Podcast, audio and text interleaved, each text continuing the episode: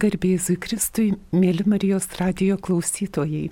Šiandieną su jumis kalbėsimės, esame studijoje su miela viešne Miglė Lipavičiane, kuri yra Saleziečių bendruomenių centro koordinatorė, o taip pat trijų savo vaikučių mama ir plus dar trijų, kuriuos augina savoje šeimoje.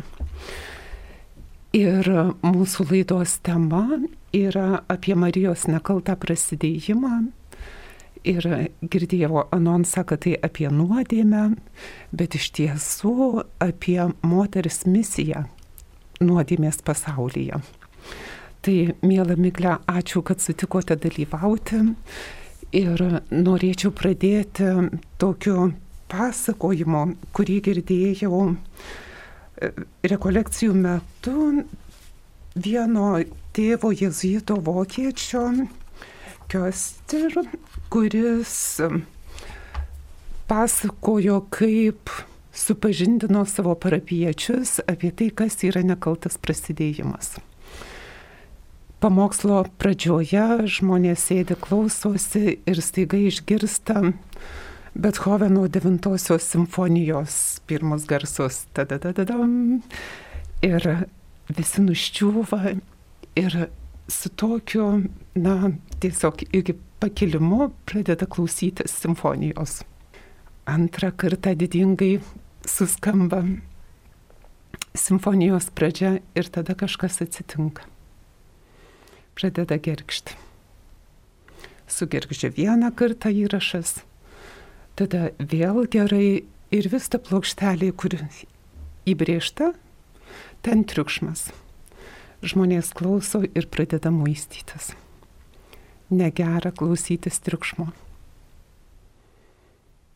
Ir kunigas tikintiesiems sako, štai kas yra kaltas prasidėjimas. O nekaltas prasidėjimas tai yra ta muzika, kuri įrašyta Marijoje ir jos plokštelė neturi nei vieno įbrėžimo. O mes, kad ir kokie būtume gražus, gimtoji nuodėmė mūsų žydė. Tai štai su šiuo nekalto prasidėjimo tokiu pavyzdžiu, paaiškinimu norėčiau pradėti mūsų pokalbį. Ir mes tikrai žinom, labai atpažįstam turbūt savo viduje, kokią muziką Dievas mums yra įrašęs. Ir labai dažnai jaučiam, kaip ta gimtoji nuodėmė mus traukia į šalį. Ir turbūt pasaulyje dėl to tiek daug triukšmo, dėl to neradimas kelio yra, kad na, nuodėmė pridengia grožį mūsų, grožį kito žmogaus. Ir, na, žinom, kad Marija visada sakė viešpačiui taip. Ji girdėjo ir save, skambančią ir kitus. Ir atrodo, nieko didelio nedarė savo nuolankumu ir tarnystę, patapo bažnyčios motina, išganimo dalininkė mūsų užtarėja ir visų mūsų motina. Ir štai sėdim dvi moterys šioje studijoje ir noriu Miglę klausti. Tas pasaulis ir Marijos laikais buvo nuodėmės pažymėta, nuodėmės geluonio. Jis ir šiandieną, ir kartais atrodo, kad net daugiau, nors iš tiesų turbūt kiekvienas laikmetis turi savo dozę. Ir moters pašaukimas, koks jis šiandieną nuodėmės akivaizdoje yra. Kaip manai? Pirmiausiai pasisveikinu, garbėsiu Kristui su visais ir bandau atsakyti šitą klausimą. Moteris savo visoji esybėje, tiek Marija, tiek kiekviena iš mūsų, yra gyvybės davėja ir dovanotoja. Ir kiekvienas iš mūsų turim nuostabę Dievo dovaną gyvenimą. Kartais žmonės nelabai um, pripažįsta ar supranta ar susimasto, kad kiekviena gyvybė yra didžiulė dovana Dievo kiekvienam iš mūsų ir vaikas, ir suaugęs, ir kiekvienas žmogus, kurį mes sutinkam, yra mums duota Dievo dovana šiandien šiuo momentu. Ir moters pašaukimas yra ne tik tai duoti gyvybę, bet ją kiekvieną dieną puoselėti ir auginti. Ir mm, tai yra didžiulis džiaugsmas. Ir tai yra didžiulė laimė būti štai moterim tokiame pašaukime. Ir kiekviena moteris yra pašaukta, yra, yra pašaukta tai daryti. Ir truputį norėčiau sugrįžti prie nekalto prasidėjimo. Kai, kai Daiva, tu mane pakvietė į šitą, į šitą laidą, aš vis galvojau, galvojau apie Mariją, vaikščiodama laukia ir pati pirma mintis, kuri man atėjo į galvą, jog nekaltasis prasidėjimas yra dovana jai.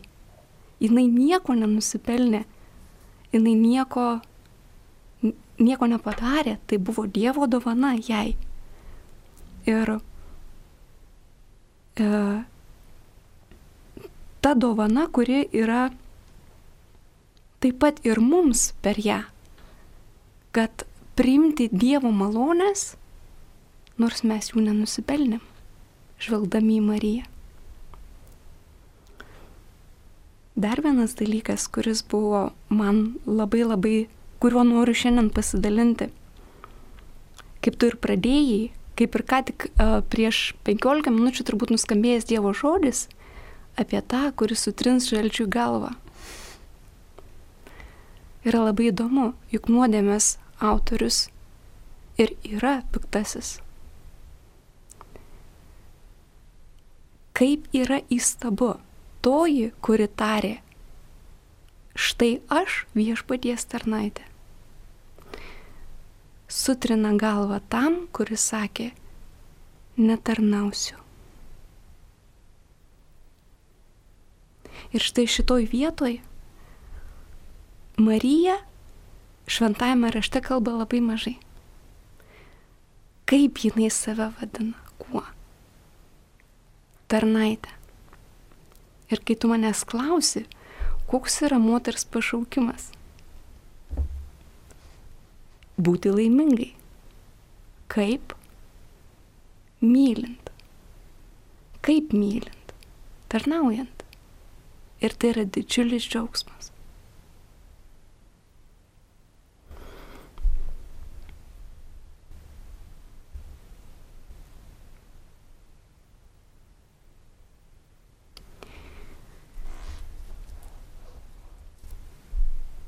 Kiekvienas žmogus, ne tik tai vaikas, ne tik senolis, ne tik tai mm, praeivis kažkoksai ar ne, mes visi trokštam būti laimingi. Mes visi trokštam būti laimingi, nes Dievas mus taip sukūrė. Dievas sukūrė mus, kad mes, kad pasidalintų su mumis savo nesibaigiančią laimę mes negalime būti laimingi nemylėdami. Bet ir kaip uh, Dievo įvaizdžiai yra iškreipti, taip ir meilės įvaizdžiai yra iškreipti. Ir vienintelė meilė yra tikra, kurią tu gali mylėti tiek vaiką, tiek senelį, tiek sutiktą praeivį, tiek tave daivą galiu mylėti nesavanaudišką meilę, kuri neieško naudos savo. Ir čia yra laimės raktas. Ir turbūt galima būtų pratesti, Miglė, tai, ką sakot, žvelgiant į Mariją, nes jinai tada, kai pasako taip, kai kūdikis gimsta, jis gimsta pats neturtingiausias tvirtelėje. O kai miršta, miršta kaip paskutinis nusikaltėlis. Ir mamai priimti šią tikrovę yra be galo sunku. Ir tai yra Marija, kuri guodžia kiekvieną mamą.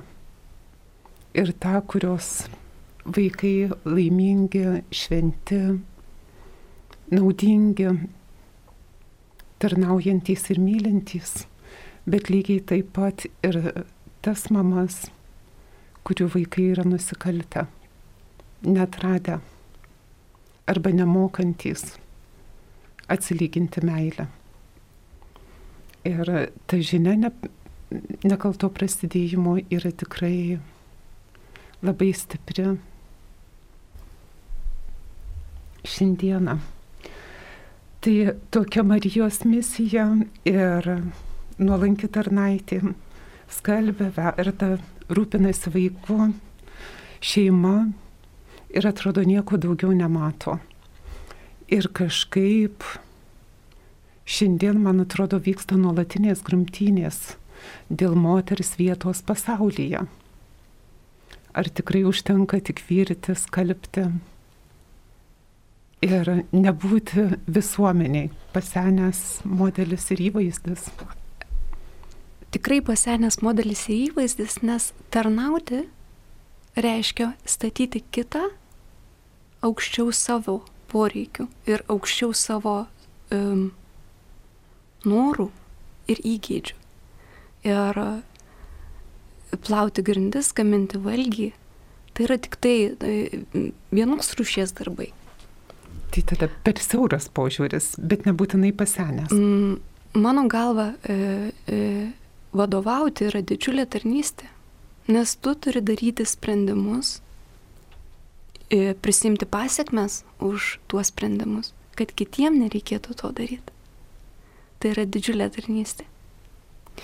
Ir kiekviena, kuri nori tarnauti, lai prašo tos, kuris save vadina viešpaties tarnaitę, kad pamokytų. Nes Marija kiekvienai moteriai gali būti draugė, motina, atrama, parama, kaip tu ir minėjai, ir patarėja. Pristatydama mane, tu, tu pasakai, kad uh, globojame mes tris berniukus. Ir iš tikrųjų, uh, kai mes juos paėmėme savo šeimą prieš uh, septynerius turbūt jau metus. Tikrai taip. Mano kiekvienas rytas prasidėdavo nuo rožinio maldos. Nes man reikia Marijos pagalbos ir užtarimo ir jos pilnosios malonės buvimų šalia, kad ta diena būtų paskirta Dievui ir kad visų pirma aš būčiau laiminga. Ir čia turbūt pamatų pamatas jeigu mama nelaiminga, to, ko neturi, negali duoti ir kitam. Tai tą, ką turiu, tuo ir dalinuosi. Jei esu nelaiminga, sieju ir dalinu nusiminimą ir nelaimingumą. Ir atvirkščiai. Iš tikrųjų taip, nes kuo nuostabi Marija, jinai, kaip angelas ir sakė, yra pilna malonės. Ir mes turim žvelgti patys į save, ko mes esame pilni. Mes esame pilni tų dalykų, kurių patys į save ir prisidedam. To, kuo maitinamės. To, kuo maitinamės, tą, ką matom, tą, ką skaitom, tą, ką žiūrim.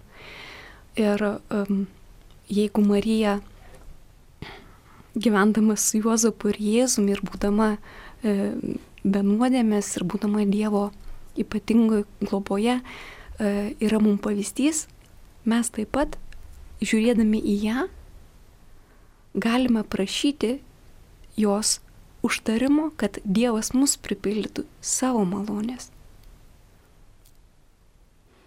Tai čia, jeigu taip sugrįžtant į tą mūsų įžangą apie mhm. simfoniją ir gražią plokštelę, kokybiška plokštelė, kurioje yra įrašyta Dievo muzika. Tai jeigu aš noriu girdėti savo skambesį ir žinau, kad mano plokštelė suraižyta gimtosios nuodėmės, klausydamasi Marijos, galiu pradėti girdėti, kurioje vietoje dera ir skambėti gražiau, arčiau tos tiesos, kurią Dievas įdėgė. Tai vis tik ta šiandienos pasaulio nuodėmė, ji vis tiek tokia, na, egzistuoja. Ir, na, kalbėjom ir apie vaikus, tai pavyzdžiui, viena iš jos formų yra nemailė vaikams. Ir šiuolaikinis pasaulis arba perdėtai kažkaip metasi į vieną e, kraštutinumą, kad vaikai turi aukti ypatingom sąlygom, ypatingose šeimose, idealiuose, kokių mes neturim. Reikia tuos vaikus, kurie bent kažkiek laimės turi, paimti šeimos. Ir tada yra šeimos, kurios, nu, mamos neturi pajėgumo mylėti. Jos nemyli savęs, netgi nekenčia savęs. Save žaidžia arba yra nepajėgios. Ir tada lieka šie vaikai, jie išmetami iš visuomenės.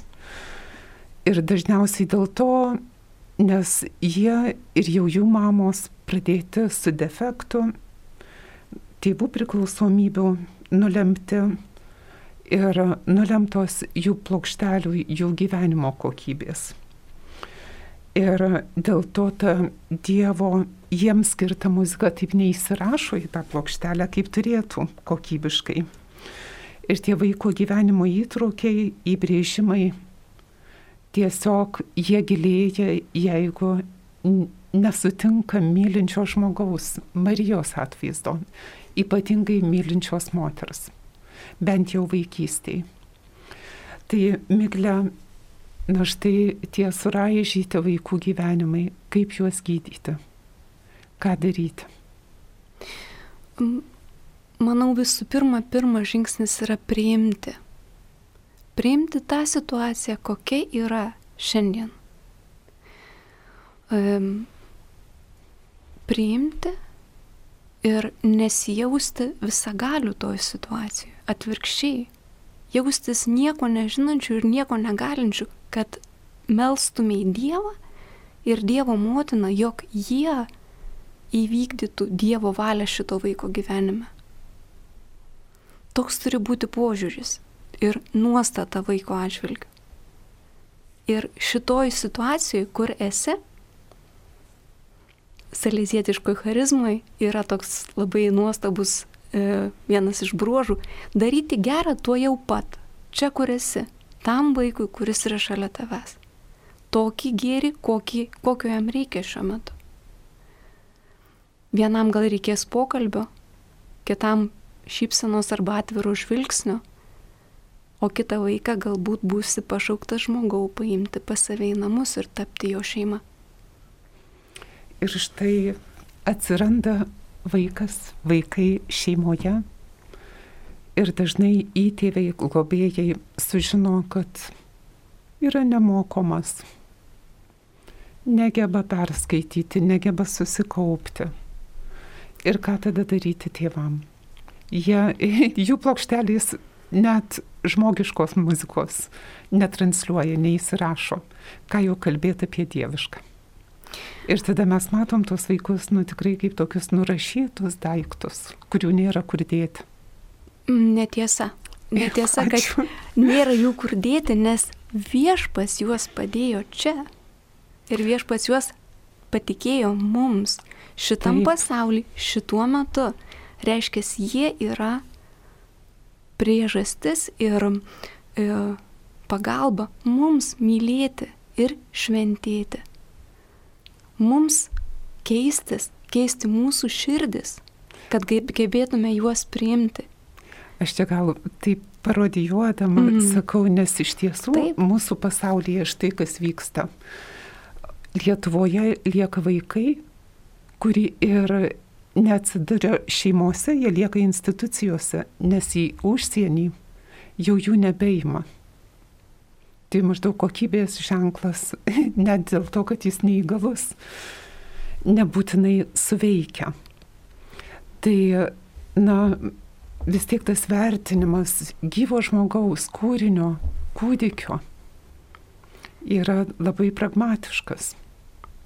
Kas iš jo? Iš tikrųjų, um, labai aiški takoskira tarp krikščioniško, katalikiško požiūrio į žmogų ir pagoniško. Jeigu pagoniui yra geras ir teisingas žmogus ir vaikas tas, kuris yra efektyvus ir tas, kuris neša naudą, tai krikščionis priema asmenį su siela ir kūnu kaip nesavanaudiškos meilės objektą. Kiekvienas žmogus yra Dievo norėtas. Kasgi aš esu, kuris gali pasakyti, kad jis yra negeras ar nereikalingas šito žemėje šituo metu. Na ir vis tiek žiūrėtume į statistiką ir ką tada pasakytume apie katalikišką Lietuvą ir labai gerus katalikus mus. Labai, labai yra puiku ir nuostabu, nes mes turim tiek daug vietos aukti ir tiek daug vietos keisti savo širdis. Ir eiti į gerą ir žiūrėti tolin, ką galim daugiau ir geriau padaryti. Ir čia norėčiau pareiti į istoriją. Taip. Ir nebereikalo paminėjau, kad esi Saleziečių bendradarbių centro koordinatorė. Taip. Tai nekaltas prasidėjimas, šita šventė yra ypatingai svarbi saleziečiams, panašiai kaip, sakykime, mūsų vienuoliams marijonams, vargdienėms ir aišku, tai yra titulinė šventės. Ir jeigu galėtum išduoti paslapti, kuo saleziečiams nekaltas prasidėjimas toks svarbus ir pačiai, ir temai, kurią mes šiandien taip kedenam negailestingai. Gruodžio 8 diena 1841 metai. Tai buvo kunigo Bosko veiklos pradžia ir salėsietiškos charizmos, tokia kokia jinai yra, užgimimas. Kasgi atsitiko? Kuningas Bosko rengėsi aukoti šventasias mišes, rengėsi zakristijoje rūbus kunigiškus ir pamatė zakristijoną mušantį sušluotą vaikiną, kuris stovėjo ne, net ne vaikas, 16 metį, kuris stovėjo kampe visas sušalęs, įlindęs į zakristiją apsišilti. Jisai sustabdė tą zakristijoną, sako, kam tu jį muši, čia mano draugas, nors to vaiko net nepažįsta.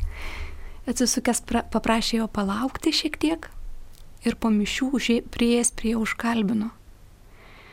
Tai buvo vienas iš daugelio um, pramoninės revoliucijos uh, į Turiną E, atviliotų vaikų, kurie palikė savo kaimę savo šeimą, atvyko į Turiną, kad taptų mūrininkais arba skėdinio nešiotojais arba darbininkais, kad užsidirbtų bent duonai, kad nemirtų badu.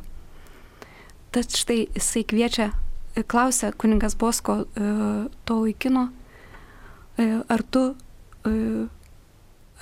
ar tu buvai mišiuose nebuvau, ar esi pries pirmos komunijos, kaip mažas buvau, ar, ar norėtum melstis. Norėčiau, bet sako, e, nemoku, nebemoku jau. Ir jie bandė abu kartu melstis ir pamatė kuningas Bosko, kad e, Bartolomeo, to berniuko vardas buvo, nemoka net persižegnot. Ir jisai paklausė, ar norėtum, kad aš tave pamokyčiau. Tas atsakė taip ir sako, ar norėtum to jau pat? Taip. Ir tai buvo pirmoji katekizmo pamoka, jie abu kartu sukalbėjo pirmą sveiką Mariją.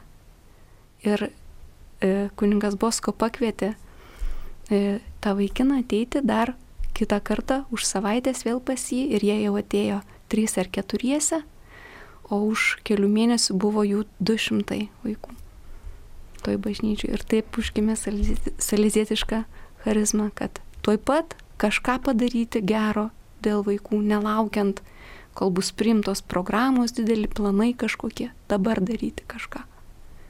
Tai praėjo 155 metai. Maždaug taip. Ir kaip išaugo iš nekalto prasidėjimo šventėje atsiusto vaiko. visa salesiečių misija. Ir kai skaitai kunigo Bosko gyvenimą, matai, kad nu tiesiog tokiu sunkiu metu tokie nuostabūs darbai vyko. Ir šiandien mes gyvenam tikrai rojaus laikais. Ir jeigu skundžiamės, kad pandemija, na turbūt nelabai įsisamoninam net kas tai yra. Tuo metu buvo irgi pandemijos ir kunigas Bosko įrodė, kad su Marijos krikščionių pagalbos pagalba galima išeiti iš pandemijų net nesusirgus. Ir tai nebuvo mitas, ne pasaka, ne legendos. Tikrai taip, tikrai taip. Kai kuningas Bosko jau turėjo valdokę savo oratoriją ir joje mokėsi ir gyveno virš 200 vaikų ir paauglių, kartu su kuningo Bosko tuo metu gyveno patys mažiausi, jų buvo apie 30 su viršum, o kiti ateidavo mokytis, ir, o dar kiti ateidavo dirbdami į sekmaninę oratoriją. Taigi vieną vasarą e, e, buvo e, epidemija, šiltinės, man atrodo, epidemija, ne, nepasakysiu, choleros, choleros atsiprašau, jo, jo, choleros epidemija. Ir um, visas miestas iš tikrųjų sirgo ir tiesiog visi namų ūkiai, kaip dabar imtam e, kalbama, tiesiog gulėdavo lovose, nebūdavo net kam paduoti vandens. Ir tikrai vaizdai buvo labai baisus, kai, kai visa šeima vaikų kokie 5-6 ar net tėvas motina guli, o, o vienas, kuris vaikelis jau ir nebekvepuoja. Ir nėra kam nei vandens paduoti, nei, nei burnos apšluostyti. Ir kuningas Bosko susikvietė savo vaikus padalino juos į tris grupės ir sakė vaikai, mes visi turime būti pašvenčiamuoju maloniai, turime melstis, visus juos palaimino ir išsiuntė tarnauti į miestą.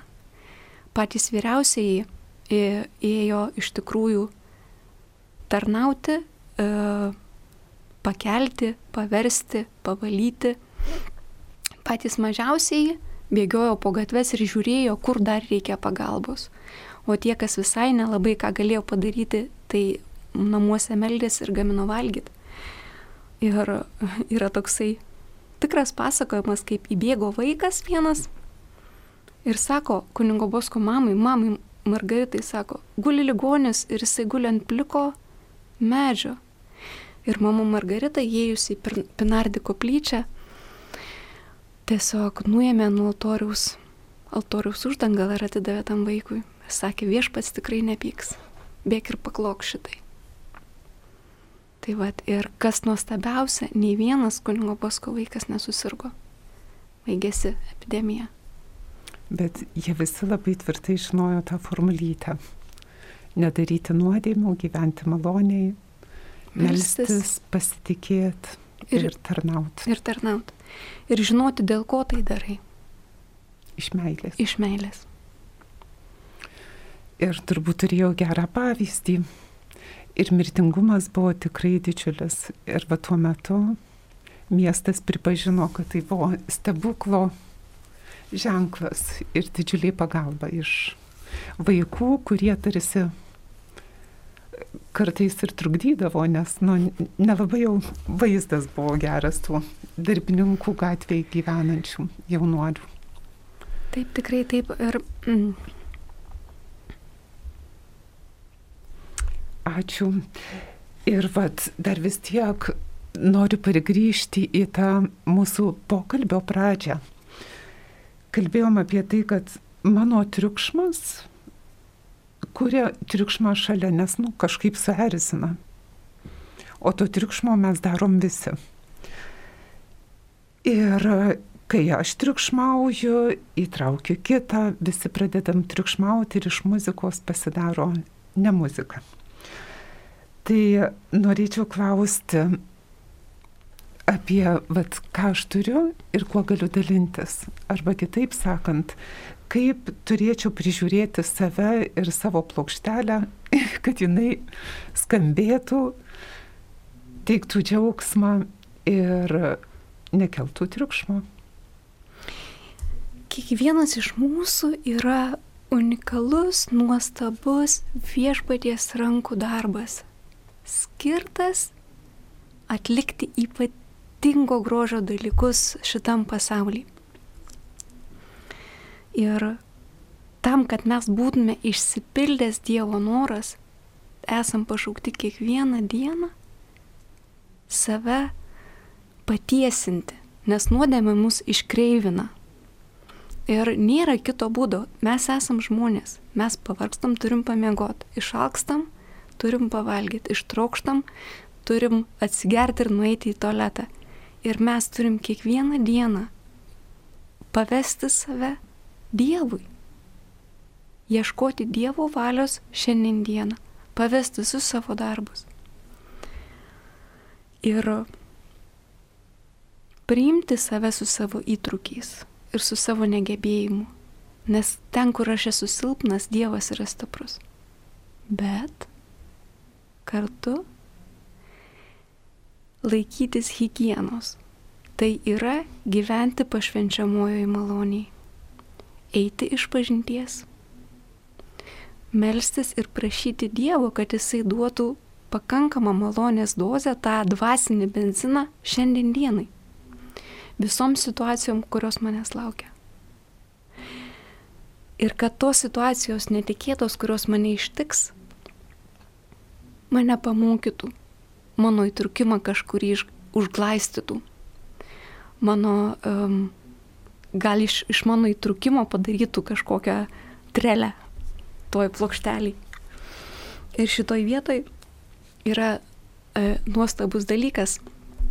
Kai kuningas Bosko sapnavo e, savo devinių metų sapną, kur matė besimušančius vaikus ir kilnų vyrą, kuris liepė iš tų vaikų padaryti, kurie pavirto į vilkus, padaryti vinelius ir Jonukas verkė, nes nežinojo, kaip jisai tą padarys.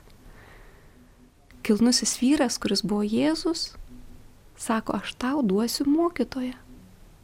Ir tai buvo Marija, kuri paėmė Jonuką už rankos. Kiekvienas iš mūsų galime imti Mariją už rankos. Jis tokia sava ir tokia artima. Ir kas kas, bet jau jinai tikrai gali mus pamokyti, kaip mylėti Dievą, kaip mylėti save, kaip mylėti kiekvieną žmogų, kurį Dievas padėjo man mano gyvenimo kelionėje šiandien. Ir jinai yra labai paprasta ir artima. Todėl uh, tikrai raginčiau kiekvieną, kuris girdi mane, iš tikrųjų šauktis Marijos. Labai paprastai, kaip mažas vaikas. Iš tikrųjų, vaikai yra mūsų pavyzdžiai, mes turim labai juos atsižvelgti ir žiūrėti, kaip jie šaukia. Šaukia mama, jam nesvarbu, kad tu gal duše. Taip ir mes šaukimės Marijos. Mama, padėk man. Ir ji padės. Ačiū. Ir vis tiek dar likę truputis laiko, tai norėčiau paklausti, kaip pačiai sekasi. Pavyzdžiui, mylėti iš karto visus šešis vaikus. Labai skirtingai. Čia ne mano citata, bet man jinai labai graži. Sako, mama, kurį tu vaiką myli labiausiai? Ir mama sako taip. Ta, kuris svečio šaly, kol negryžo. Ta, kuris serga, kol pasveiks. Ta, kuris ant manęs pyksta, kol atleis. Ta, kurį mažas, kol užauks tą, kuriam nesiseka, kol pradės sektis. Ir visus, kol gyva. Kaip gražu. Iš tikrųjų, kaip man sekasi mylėti, priklauso nuo manęs pačios, kiek aš pripažįstu savo negebėjimą mylėti. Ir kiek aš prašau malonės, kad kepėčiau. Kiek priimu save negebančią mylėti kiek sugebu pasakyti atsiprašau, atleisk man, dukra atleisk man sūnau. Ir kiek sugebi priimti tą vaiką, kuris yra netobulas kaip ir aš. Tiek man ir sekasi mylėti ir kiekvieną dieną vis kitaip. Ir kiekviena diena vis kitokia. Ir nėra receptų. Ir tame yra džiaugsmas didžiausias. Ir nėra jokių dėžučių, kur galėtum įdėti ir pasidėti ateičiai. Nes mes pakviesti gyventi dabar. Kaip yra nuostabu. Ko Marija mus išmoko? Kai mes melžiamės sveika Marija maldą, mes kreipiamės į Mariją, kokia jinai yra, malonės pilnoji, ir prašos, prašome, kad melstų už mus, kurie esam nusidėjėliai. Dabar ir mūsų mirties valanda, nes šitie du momentai yra patys svarbiausi gyvenime dabar ir ta valanda, kai gimsime dangui.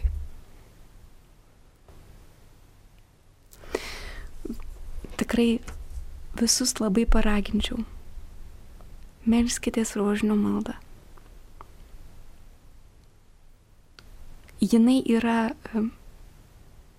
tobulai tinkanti kiekvienam žmogui ir jaunam, ir senam, ir protingam, ir tam, kuriam galbūt nesiseka, ir turtingam, ir tam, kuris nelabai ko turi. Nes rožinio malda yra tiesa, nes mes visi esame nusidėliai, o Marija yra dangaus karalienė.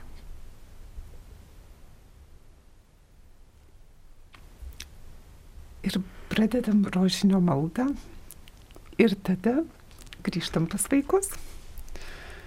Ir sakykime, vaikui sunku mokytis. Ir nemato tie, kurie nėra taip arti vaikų, jų kitų gebėjimų jie ir negali matyti, nes jie turi matyti tai, kam yra pašaukti dirbti.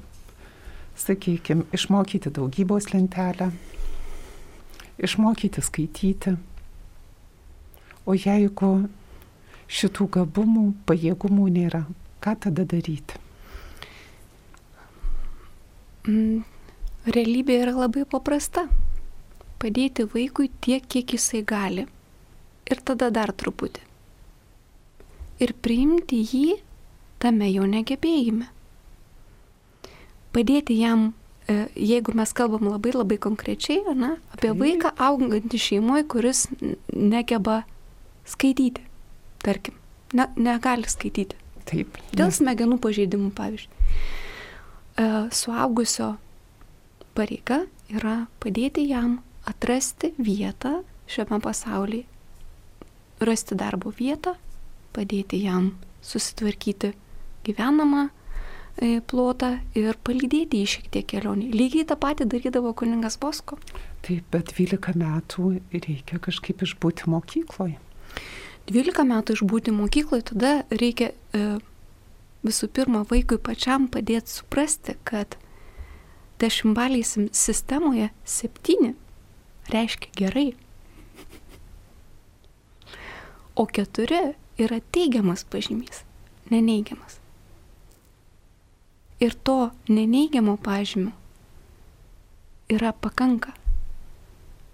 Priimti vaiką su jo ketvertu iš lietuvių ir iš matematikos, jeigu tikrai jis daugiau negali. Arba atrasti būdus pamatyti, kad gali. O būdų yra įvairiausių. Nėra, nėra magiško e, vieno recepto konkrečiai situacijai. Ir į kiekvieną vaiką žiūrėti Marijos akim? Marijos, Marijos ir Dievo akim iš tikrųjų, nes mes pamirštam kartais tokį dalyką, kad tėvas ir motina duoda kūną, bet Dievas visatos kuriejas nuaudė šito vaiko sielą, vienintelę tokią, pačią nuostabiausią. Ir tai sielai Visai nieko tokio, kad nemoka daugybos lentelės. Dievo akise jinai brangi. Jėzus būtų miręs už ją vienintelę. Tai jeigu šeimoje yra nesėkmingas vaikas, meilė gali pažadinti tą gražiąją Dievo dovanotą sielos muziką. O kas yra Daivo nesėkmingas vaikas? nu, sakykim, yra šeimoje keletas vaikų, vienas vieną talentą turi gabumus, kitas kitokius. Na ir vienas iš vaikų turi disleksiją. Ir kažkaip arba tiesiog negeba iki penktos, šeštos, septintos klasės išmokti mėnesių pavadinimų, daugybos lentelės. Taip, aš pažįstu tokį vaiką. Ir ką tada tėvam daryti? Jisai turi nuostabų talentą. Tai tikras berniukas. Jisai turi nuostabų talentą, nes e, jo dosnumas yra neįtikėtinas. Jisai viską dalina per pusę. Kai buvo mažas, dviejų, trijų metų net valgydamas saldainį, jisai pusę saldainio perkasdavo ir įkrūsdavo man į burną, kad žiūrėdamas man į akis pasiskonėtų mano saldumu. Koks tai yra nuostabus talentas. Ir visada, kai jį vaišina, jisai prašo dar dviejų saldainių, nes reikia pernešti broliams namo. Ir visada, ką jisai beturėtų, kai turi savo kišenpinigių, jisai eina į parduotuvę ir pirmiausiai priperka visai šeimai kažko. Jis niekada nevalgo saldainių vienas, jam neskanu. Argi tai netalentas? Ir, ir mėnesių pavadinimus jis gali nuo kalendoriaus pasižiūrėti. Ir angliškus, ir vokiškus. Bet kas išmokys tą, kur moko mėnesių pavadinimus būti tokiu dosniu?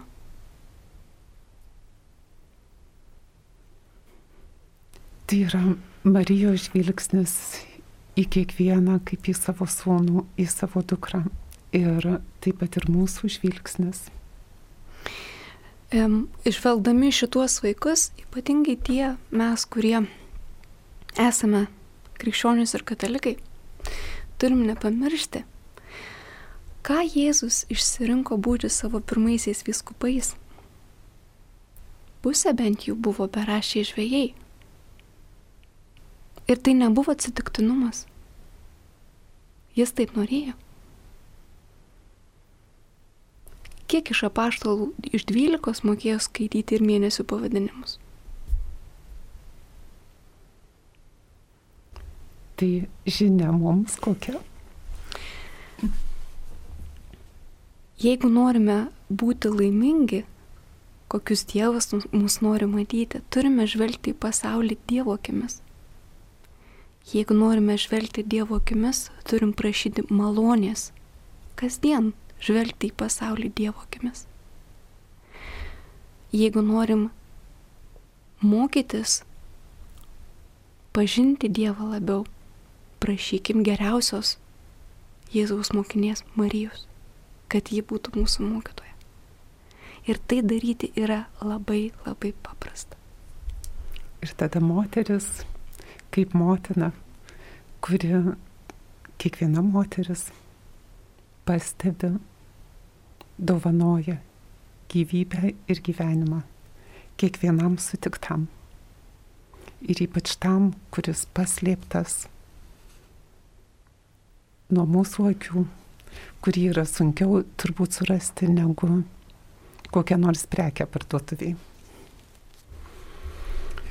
Tai Ačiū, mėla Miklė, mėly Marijos radio klausytojai. Šiandieną laidoje su Miklė Lipavičiane, Saleziečių bendradarbių centro koordinatorė, šešių vaikųčių mama, kalbėjomės apie Marijos nekaltą prasidėjimą, apie nuodėmę mūsų pasaulyje, apie mus visokius ir apie meilę, kuri keičia, kuri dovanoja gyvenimą taip kaip Marija dovanojo gyvenimą mums, ne tik tuo metu žmonėms, ne tik Jėzui. Ačiū Jums uždėmesį, mėlai mikliai, už pokalbį ir iki kitų kartų. Te nekaltoji Dievo motina globoja mus visuomet. Su Dievu. Su Dievu.